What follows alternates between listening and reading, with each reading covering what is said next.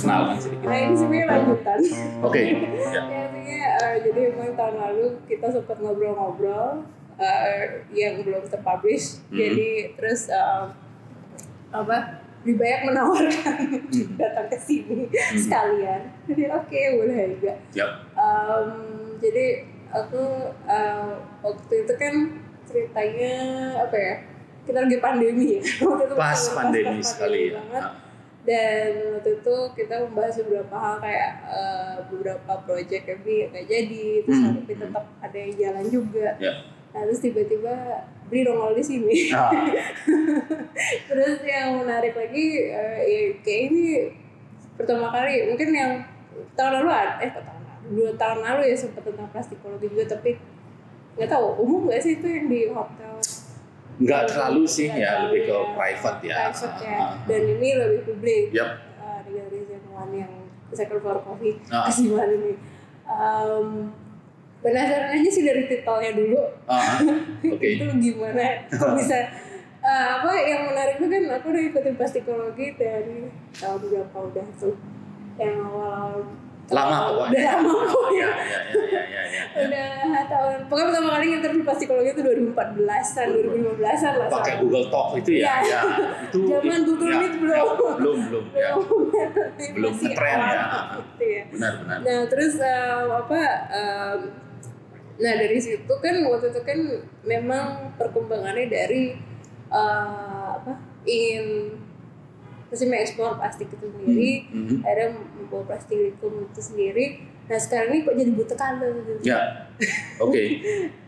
Berarti itu ya. Buta color itu adalah Ah. apa tuh buta color? Apa jadinya buta color plastik poleng? Ya, oke. Eh, oke, jadi eh itu kalau saya bisa flashback lagi, eh, awal-awal dulu kita pernah ada kerjasama dengan apa namanya Brak kalau nggak salah ya. berat. ya. Mereka-.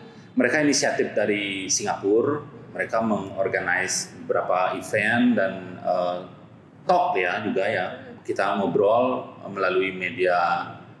Waktu itu saya berpikir ini sudah keren sekali gitu. Saya dulu kenal apa namanya selain Google itu ada yang kita bisa ngobrol juga. Eh, Skype. Ya Skype. Kemudian ada Google Talk. Wih ini keren sekali gitu ngobrol berjauhan tapi kita ngelihat muka gitu sama ngobrol. Belum sum-suman belum itu jauh sekali itu. Nah kita ngobrol tentang plastikologi tentang banyak hal. Kemudian memang eh, event-event saya itu lebih banyak di luar di luar Bali. Eh, eh, ada beberapa event yang memang eh, kebetulan saya kerjakan. Kemudian selama pandemi eh, semua cancel, akhirnya eh, istilahnya hibernasi sedikit mengerjakan karya sok-sokan work from home. Padahal memang kalau seniman ya Iya. worknya from home gitu, bekerjanya di studio di rumah gitu. Nah dari itu kita sempat ngobrol sedikit eh, untuk eh, materi podcast kalau nggak salah waktu itu tentang seni, tentang macam-macam gitu. Nah untuk pameran ini eh, khususnya tentang judul plastik eh, apa buta kala plastik poleng. Nah itu eh, saya pribadi ketika misal eh, tawaran untuk sebuah event itu eh, apalagi di Bali ya eh, sebelumnya memang beberapa kali sempat di Bali tapi lama tidak sempat di Bali tapi kemudian ada tawaran untuk apalagi tunggal gitu pameran di Bali itu cukup ada beban juga gitu. Hmm. maksudnya karya plastikologi sudah beberapa kali sering istilahnya dipromosikan di Bali melalui event pameran dan lain-lain itu di Bali sudah cukup sering lah sebelumnya gitu nah beban yang kemarin saya sebagai seniman itu adalah eh, apa ini sisipan baru Hmm. yang ingin disampaikan melalui pameran itu. Gitu. Itu itu beban utamanya. Kemudian kalau masalah karya sih tinggal eh, tinggal eh, produksi sebenarnya gitu. Cuman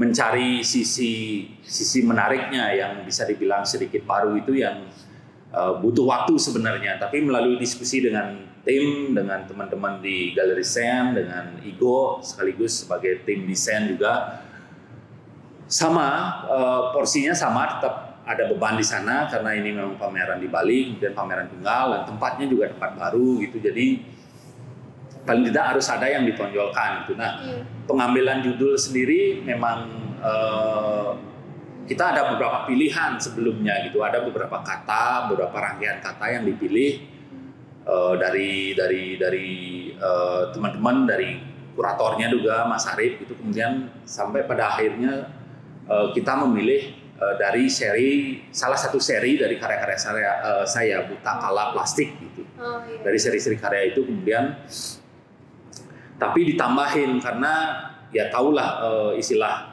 eh, plastik itu lagi up gitu Iya. dengan teman-teman yang ada pemutaran video gitu jadi kita juga tidak pingin istilahnya ya sebagai seniman kan ada istilahnya pride-nya biar tidak istilahnya mengekor gitu Iya. biar tidak ada plastik nah kita tambahin kita nyari padanan kata itu cukup lama dengan Iya. dengan Igo dengan Arif sampai di studio saya itu ngobrol masalah kata bantu, kata kerja, kata sifat segala macam. Iya, iya. Ini untuk judul aja kayaknya gawat sekali gitu.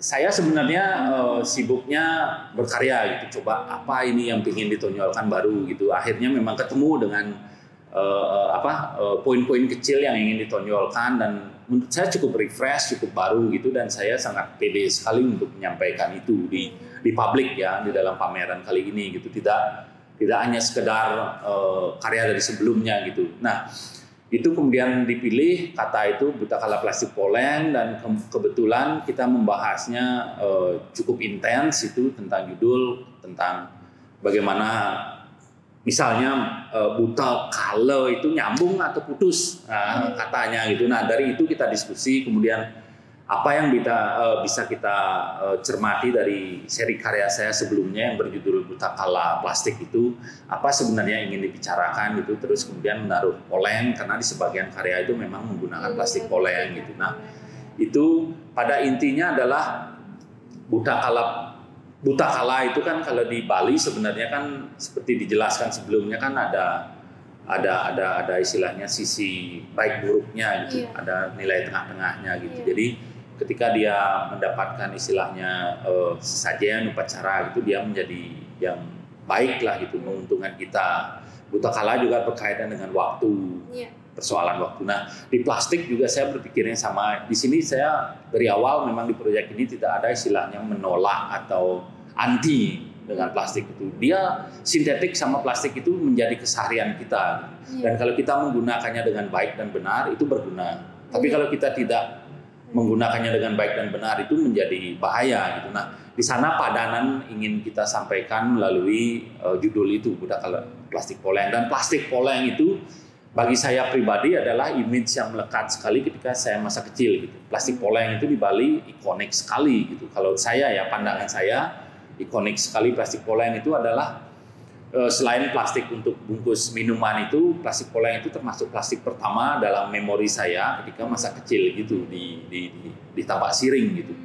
Itu melekat kemudian saya explore beberapa menjadi karya dan itu cukup menarik sih buat saya gitu. Nah, kemudian sisi kecil-kecil yang ingin ditampilkan melalui pamer ini adalah ada ada penggunaan warna alam Iya. sekaligus untuk membenturkan antara sintetik, plastik dan eh, eh, eh, alami itu yang yang yang kita sekarang berada di sana gitu. Kemudian ada eh, penggunaan warna-warna 24 karat Hmm. eh, warna emas untuk membenturkan dengan plastik yang dianggap ecek-ecek tidak berguna gitu. Nah, itu dibenturkan sengaja juga. Kemudian ada eh, grid warna atau layer warna sehingga dia menampilkan eh, image blur atau image gerak di beberapa karya gitu. Nah, Hmm. itu berdasarkan diskusi dengan tim galeri dan eh, tim kurator juga ketika ingin membuat itu diskusinya cukup intens gitu apa yang mau dicoba kemudian sama juga hasilnya eh, banyak kejutan gitu dari hasil gerak itu ternyata di di penari di tema-tema penari seperti kita di belakang ini cukup menarik jadinya gitu karena penari identik dengan gerak atau apa dan efek itu dipergunakan yang match dia Iya. bagus kebetulan. Nah, ke, kemudian di warna alam juga ternyata dia sangat matching sekali, match sekali, maksudnya dengan plastik ditambah warna alam, kemudian eh, kertasnya pun dipergunakan kertas daur ulang. Kemudian ada proses di sana yang bisa di scan dan memperlihatkan uh, uh, apa proses pembuatan dari warna alam itu. Jadi uh, gagasan-gagasan sederhana kecil itu ternyata uh, menarik sekali ke, kemudian disampaikan dan bisa menjadi komplit dia di dalam konsep plastikologi itu sendiri gitu. Hmm. Jadi itu sih kalau uh, kalau saya bisa bilang uh, bukan singkat ya agak panjang lebar penyampaiannya gitu tentang pameran ini tentang karya-karya di pameran ini gitu. Iya, uh, iya aku untuk merhatiin beberapa kan karya mau oh, karya baru. Ya. Nah, iya emang karya baru tuh lebih ke yang itu kan, yang, ya. warna, yang pakai warna alam. Gitu. Yang pakai warna alam dan beberapa ada image image baru. Itu kayak uh, nyentil ya. Uh, nyentil apa itu? itu nyentil nyentil apa nyentil kayak kesenian lain. kesenian lain. uh, apa namanya? Iya, aku uh, gimana ya? Aku bilang, uh, nah, aku tadi sempat dengar sih dikit tentang kenapa lebih pakai QR code. Ya, ya, ya, gitu. ya, ya, ya. Boleh nggak dijelasin dikit tentang itu? Jadi ini kan karya karya terbarunya Bebaya yang hmm. warna alam itu, nah, apa?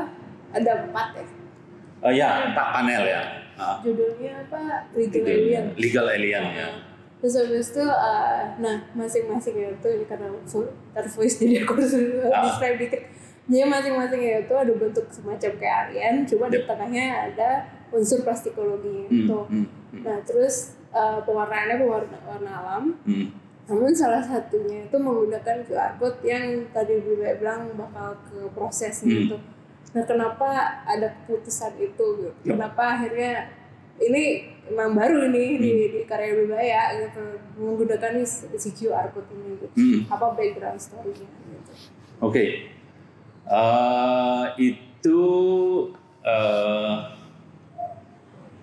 ini bisa dibilang menjadi salah satu poin interest di pameran ini ya kita uh, kemarin memang setupnya seperti itu di karya-karya ini saya sendiri cukup cukup yakin dari proses uh, proses pembuatannya gitu nah kalau dilihat dari empat panel ini ada tiga panel yang uh, memang menggunakan uh, uh, apa elemen dari sampah yang menarik dan kebetulan elemen sampah itu dari Luar, apa ya?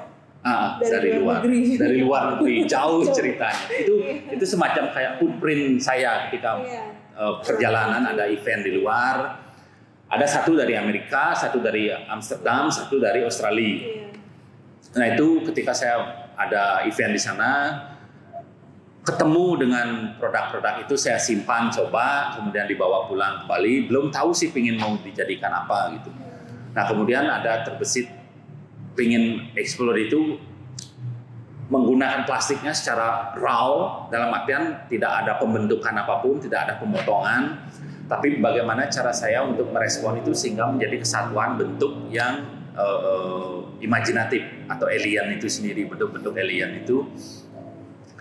Kemudian uh, kita kemarin diskusi untuk uh, memasukkan itu, maksudnya uh, saya pun berpikir ketika uh, komplit sebuah proyek plastikologi itu berusaha sebisa mungkin memang untuk komplit dari penggunaan kertasnya, mediumnya itu kertas daur ulang, warnanya warna alam, kemudian ada plastik, ingin membenturkan antara yang sintetik, plastik dan uh, yang masih natural itu dari alam itu. Nah, elemen itu coba dipadukan Kemudian hasilnya cukup menarik, ada penambahan juga warna-warna eh, prada gede istilahnya kalau di Bali ya, warna 24 karat gold itu untuk dibenturkan lagi dengan medium-medium yang sederhana gitu. Nah, kemudian yang eh, legal alien itu sama juga dengan proses eh, traveling itu, proses bepergian itu. Nah, saya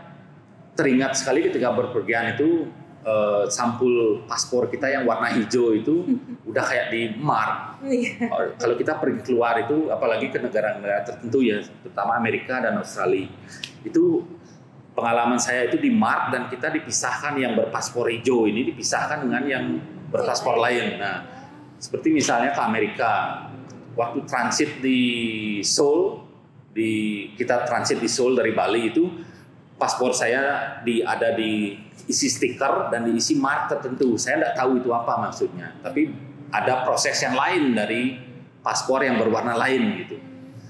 Nah itu ada istilahnya kecurigaan sedikit buat saya ya Indonesia gitu. Jadi ada ada semacam list tertentu mungkin ya. Nah yang di Australia lebih nyata lagi ketika sudah di scan pertama kita lolos, di kedua itu kita dipisahkan lagi sesuai dengan warna paspor itu dan saya berkumpul dengan paspor hijau kemudian diambilkan anjing diciumin lagi kita oleh anjing tas barang kita semuanya dicium dibawain anjing pokoknya di di, di diperiksa ulang gitu. Nah itu menurut saya adalah bentuk-bentuk dari uh, apa rasisme secara sederhana ya. Dan walaupun itu memang hak mereka di bandara ya hak setiap negara gitu tapi itu bentuk rasisme menurut saya. Kemudian Padahal saya adalah orang yang legal karena sudah memproses semua surat-surat sesuai hmm. ketentuan yang mereka visa terbitkan, ya, visa segala macam iya. itu membuat saya seorang uh, legal tapi tetap alien gitu. Hmm. Di mata mereka tetap alien gitu. Ini tujuannya apa gitu. Gak jelas gitu. Padahal di surat itu cukup jelas mau apa, mau iya. kebudayaan atau apalah gitu. Nah, itu kemudian saya rangkum di dalam karya-karya ini. Kemudian terbersit saya karena hari ini selalu berkaitan dengan barcode, data, kemudian ada QR code, data itu diambil dari sana, kemudian uh, sedikit apa istilahnya kayak so-soan uh, berteknologi ya, kekinian, kekinian atau berteknologi, cuman biar ndak biar ndak apa biar ndak gini juga. Maksudnya ndak terlalu bikin-bikin aja. Hmm. dan akhirnya memang keputusan saya memasukkan dan merespon itu cukup menarik karena bisa dalam tanda petik mematikan QR code itu menjadi rangkaian karya itu. Hmm. Dia tidak terpisah dari iya. karya itu, tapi menjadi bagian karya dan itu uh, cukup berhasil, cukup berhasil.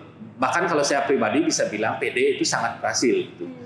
karena dia uh, mungkin orang tidak ngeh pertama itu QR code, tapi ketika di scan itu ternyata ada data Datanya pun adalah proses dari pembuatan warna alam dan pembuatan dari ketiga panel karya-karya itu gitu. Jadi karya dokumentasi dari warna-warna alam yang saya ambil di seputaran studio dari bahan-bahan sederhana diolah menjadi warna untuk membuat karya itu dibenturkan dengan plastik, dibenturkan dengan uh, kertas uh, daur ulang itu menurut saya antara teks dan konteks itu cukup komplit gitu. Nah, di sana saya melihat ini menarik gitu dan pengen saya kembangkan gitu. Hmm. Pengen saya kembangkan selanjutnya di karya-karya seri-seri selanjutnya tentang plastikologi atau karya-karya lainnya gitu. Nah, ini semacam apa bisa dibilang semacam blueprintnya ke iya. depannya dari karya-karya selanjutnya mungkin ya dari eksplorasi selanjutnya itu dan menurut saya itu positifnya ketika kita ingin menawarkan sesuatu ada tantangan ingin menawarkan sesuatu di dalam sebuah pameran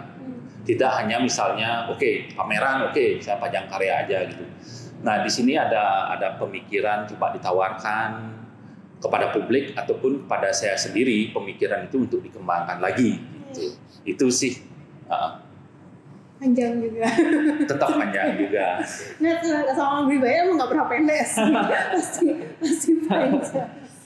Nah, itu menarik banget. Terus saya uh, apa uh, tadi Bri juga sempat nyebut tentang uh, footprint itu ya. Ya, itu ya, juga ya, sebenarnya ya. kalau mau dikaitkan dengan apa bilang sisi buruk ya pasti hmm, hmm. itu juga sisi buruk daripada traveling itu ya, sendiri ya, kan. Ya, ya, ya.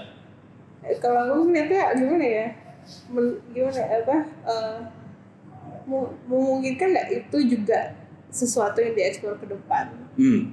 Maksudnya uh, itu apalagi dengan efek kalau menurutku efek pandemi ini akhirnya membuat footprint itu berkurang hmm. gitu hmm. hmm. dan ya alam mungkin gak sepenuhnya balik gitu tapi ada beberapa hal yang akhirnya kembali mau ya nature lagi tapi ada juga yang enggak hmm. Hmm.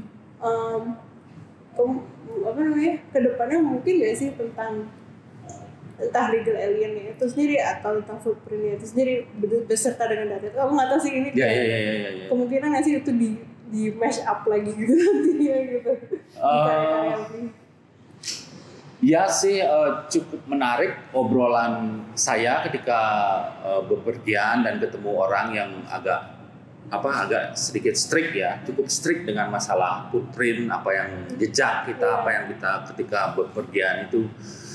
Dan itu ketika kita berdiskusi lebih dalam lagi, memang cenderung apa kayak kayak jadi uh, kemungkinan bisa stuck ya karena hmm. memang kenyataannya memang uh, ngeri iya. gitu kenyataannya ngeri ketika kita berdiskusi lebih dalam lagi tentang masalah jejak jejak kita ketika traveling atau bepergian itu atau mungkin bukan bepergian keluar saja tapi sehari-hari kita ketika mengendarai kendaraan atau apa gitu itu itu ekstrim ada memang beberapa pemikiran ekstrim seperti itu nah hmm. kalau saya sendiri sih lebih kepada persoalan melihat hari ini kita berada di mana ini, terutama di Indonesia atau di Bali. Kita uh, kita masih uh, kita masih ada uh, berada di wilayah cukup misalnya ketika kita sudah sadar kita uh, membatasi itu.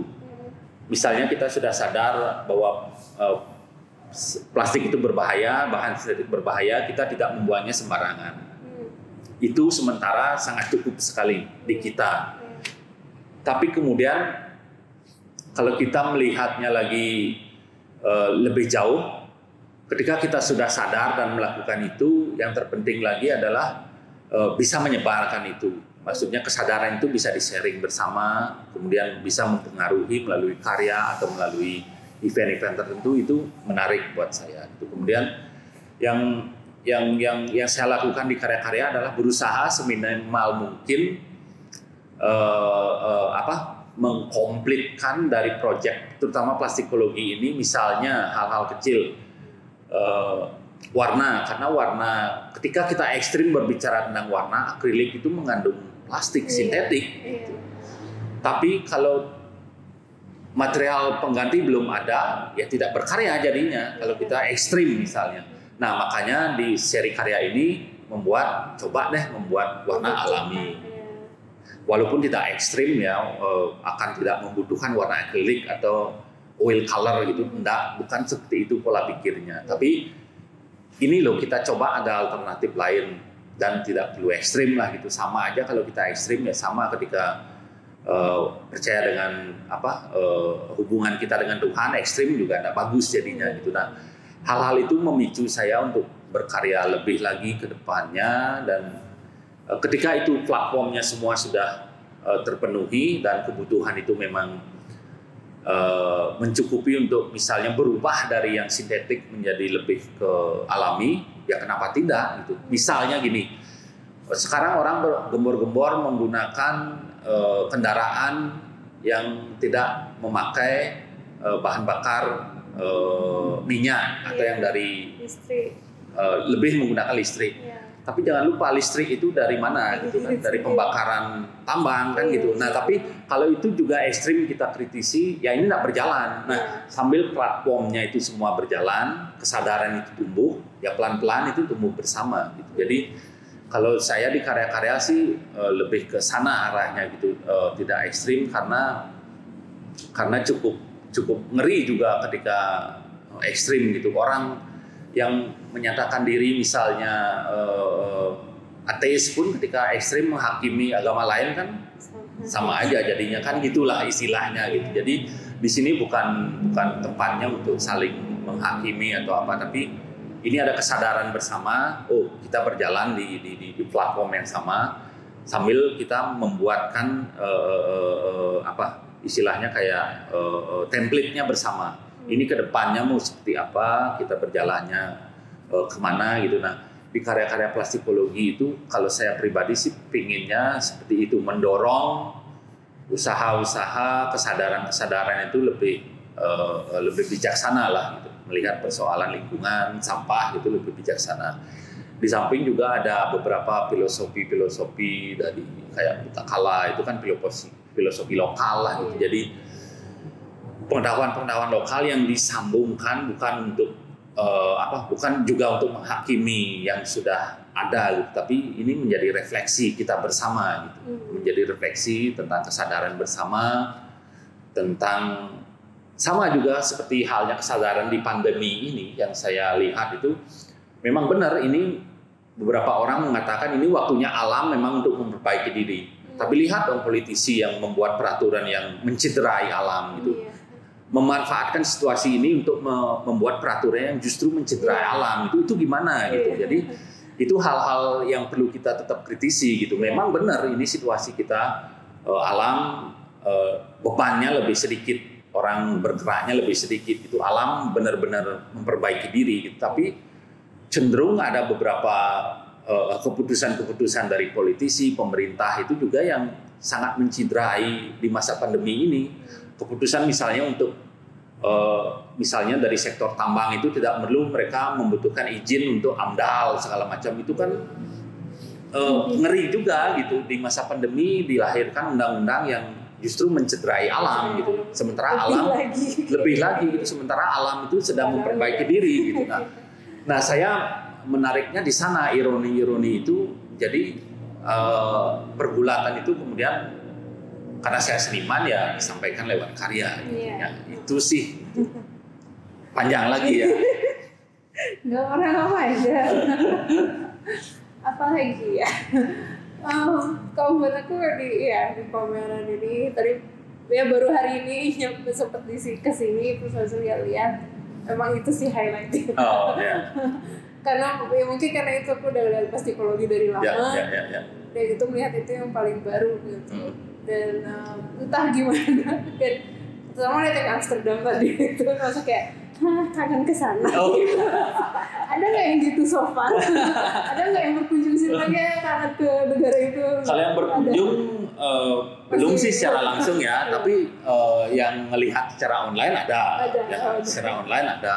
Ada yang kangen berkunjung ke Bali, ada yang kangen berkunjung ke Luar. tempat yang mereka tuju gitu ya. Jadi jadi eh, jadi cukup menarik gitu. Jadi pun ide itu ketika eh, ada barcode, kemudian saya giniin, kemudian saya apa videoin itu eh, pingin tahu juga responnya itu cukup menarik karena dia tidak ada di luar, di luar gitu dia ada di dalam karyanya sendiri data itu ada di karena yang gila ini hari ini kalau saya bentar lagi ini semua data itu ter, tersimpan di dalam sebuah QR code atau apa nantinya dan kita tidak perlu bawa surat-surat apa tinggal centit centit centit centit. Ini sudah beres semua dan itu mau tidak mau ya memang harus eh, sepertinya memang akan akan menuju ke sana gitulah. Persiapannya sudah saya lihat di beberapa pengalaman eh, eh, eh, bepergian eh, sebelum pandemi ini karena sudah cashless istilahnya tidak ada cash istilahnya. Dan saya tipikal orang yang old school masih membawa bekal cashless gitu kemudian ditraktir sama teman yang habis makan tinit tinggal scan scan itu saya wah ini ini ini masa depan ini. Saya berpikirnya kayak gitu. Jadi eh, siapa tahu nanti saya punya tato QR code gitu dan data saya ada di sana itu jadi gampang nit gitu bepergian ya ayo oke Tapi eh, fenomena QR code ini malah makin marak sih menurutku sekarang ya. Ya. Maksudnya setiap kali kita mau apa ya, ya setelah pembayaran, Yep. ya karena karena ini pertama dibilang kan cash bisa covid bisa lewat ya, ya, cash ya, ya, bisa ya. lewat bill apa Ah. uang kertas Ya, atau ya, ya. koin gitu kan. Jadi disarankan pakai itu terus habis itu kalau misalnya kita mau makan juga eh, mereka ngasih QR code. Ya. Tapi aku nemunya nyebelin kadang internetnya gitu aja sih. Maksudnya ini QR code terus misalnya linknya ke apa platformnya Google Drive atau apa gitu. ya ya. Terus internetnya gak bagus juga bisa. Ya ya ya kadang ya, gitu ya, aja. ya. Tapi emang emang sih ini apa namanya eh fenomena yang menarik Hmm. Eh, apa yang itu ngikutin aku nginget, ngingetin itu apa coro coro coro apa Oh ya, yang yang seri yang tiga itu ya, yang jadi yang plastik, Eh, yang plastik lembaran itu ya. iya itu dan itu itu spesifik poleng lagi Ya, itu lebih spesifik polen, ada yang hitam. Ah, ya, eh, kalau dari seri karya tiga buah karya yang memang pakai istilahnya bisa dibilang lembaran plastik itu ada yang polen, ada hitam itu eh, memang eh, pengembangannya memang eh, semasa bisa dibilang semasa pandemi ini gitu. Jadi awal pandemi ingin membuat sesuatu yang lebih sederhana tapi ada sedikit unsur popnya lebih ke tidak tidak terlalu seram lah gitu tidak terlalu seram pengen juga menghadirkan sesuatu yang apa seperti para apa seniman-seniman Bali zaman dulu ketika terinspirasi dengan misalnya kuto Mesir yang terinspirasi dari ornamen uh, Mesir.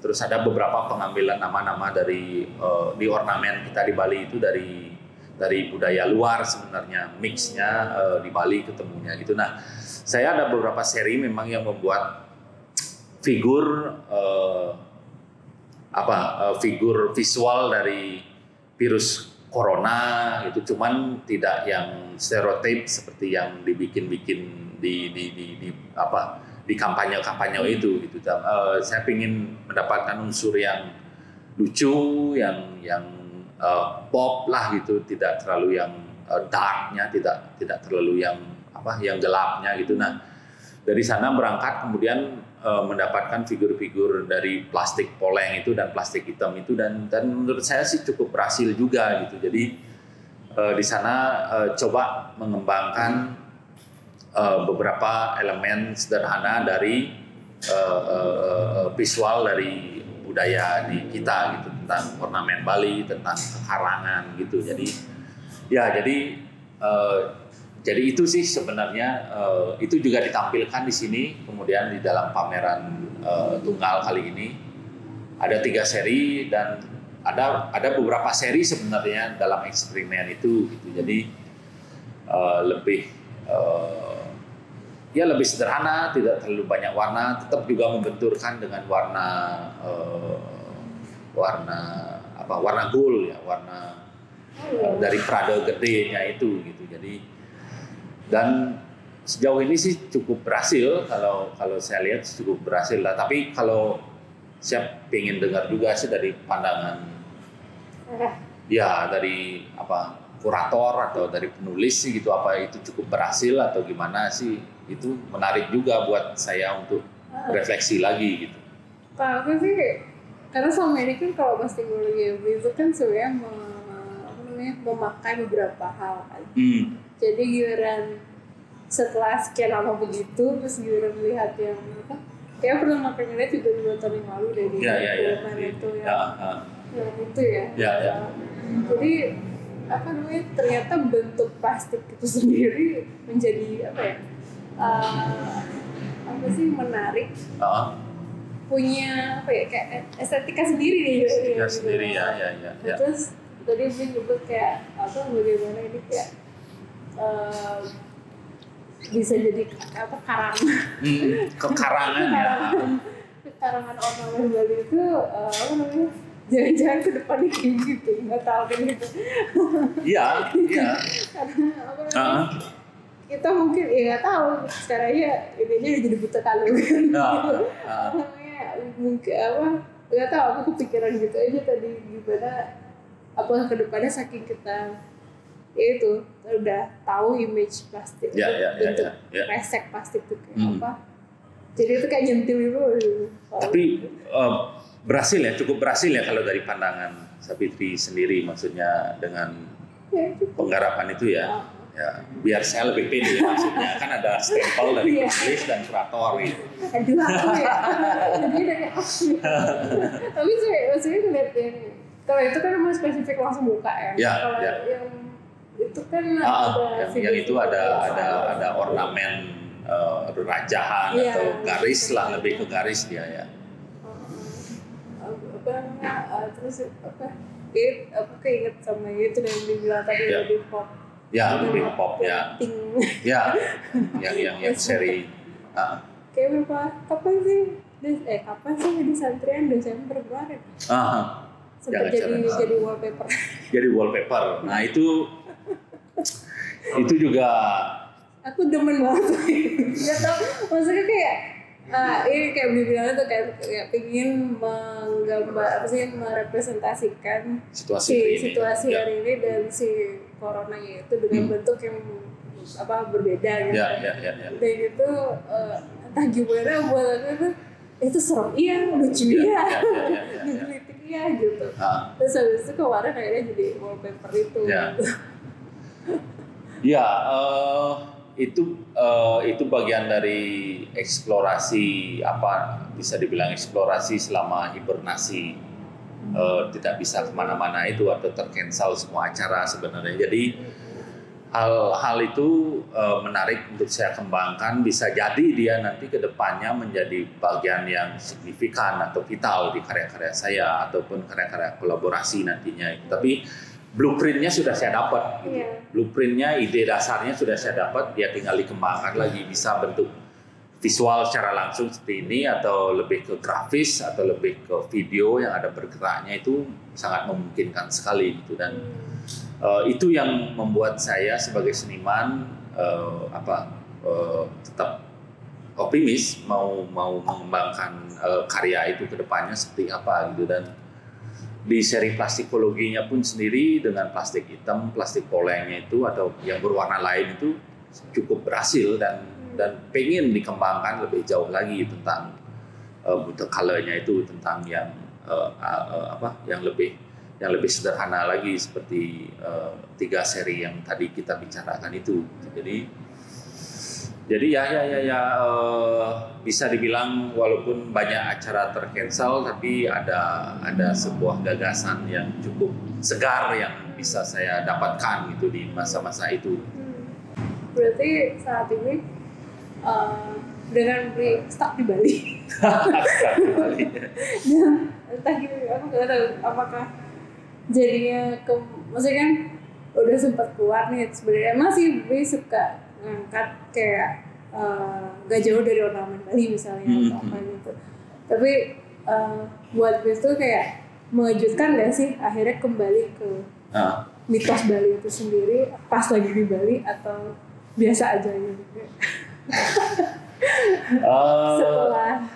Um, bisa dibilang apa ya ma- masih biasa cuman ada beberapa penajaman gitu. Karena di beberapa kesempatan untuk uh, pergi keluar itu bisa melihat uh, beberapa uh, elemen ya beberapa elemen dari leluhur kita seperti misalnya tombak-tombak dari zaman Oh, Majapahit itu iya. itu yang sama uh, yang lama saya sudah pendam Eh, ketika misalnya melihat di internet tombak-tombak pusaka itu tersimpan di sebuah museum besar di New York. gitu. Hmm. Jadi, wih ini maksudnya entah gimana dia bisa tersimpan di sana, tapi alangkah baiknya kalau misalnya saya bisa melihatnya langsung gitu. Iya.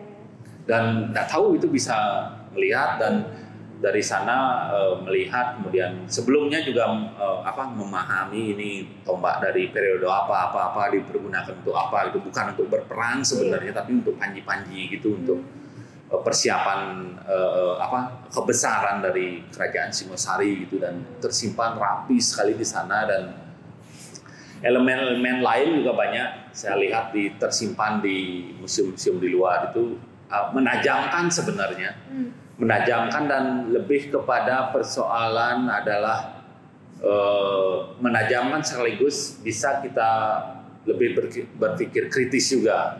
Bagaimana artefak itu berada di sana. Kemudian artefak itu terbuka bisa kita pelajari. Lebih beruntung karena tersimpan dan terbuka daripada misalnya menjadi private collection ataupun di pasar gelap gitu. Iya, iya. masih kalau orang Bali kan atau orang kita uh, untung. Jatuhnya untung enggak Hmm. parah gitu. Tetap untung gitu.